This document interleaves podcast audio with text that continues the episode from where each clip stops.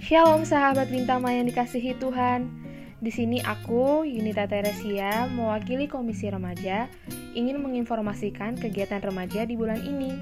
Dan sudah secara rutin kita lakukan setiap bulan dari bulan Maret sampai sekarang selama masa pandemi. Yang pertama yaitu persekutuan online remaja GKI Bintama yang dilaksanakan setiap dua minggu sekali. Walaupun dalam masa pandemi ini, tapi kita masih bisa memuji dan mendengarkan firman Tuhan. Nah, persekutuan online ini diadakan pada hari Sabtu, tanggal 8 dan 22 Agustus 2020 yang bisa diakses pada pukul 19 WIB melalui YouTube channel GKI Bintama. Nah, dan selanjutnya ada persekutuan doa remaja GKI Bintama dan sesi sharing bersama.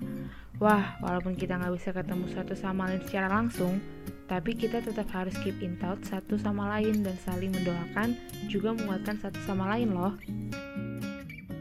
Persekutuan doa ini dilaksanakan dua minggu sekali bergantian dengan persekutuan online.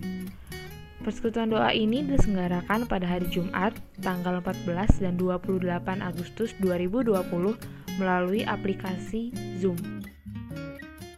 Informasi selanjutnya terkait dengan persekutuan doa akan diumumkan melalui grup lain remaja.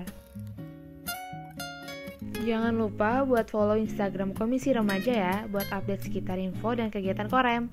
Langsung aja follow at Korem Bintama, nggak pakai spasi ya. Sekian info kegiatan remaja di bulan ini yang bisa aku sampaikan ya guys. Terima kasih atas perhatian teman-teman sekalian.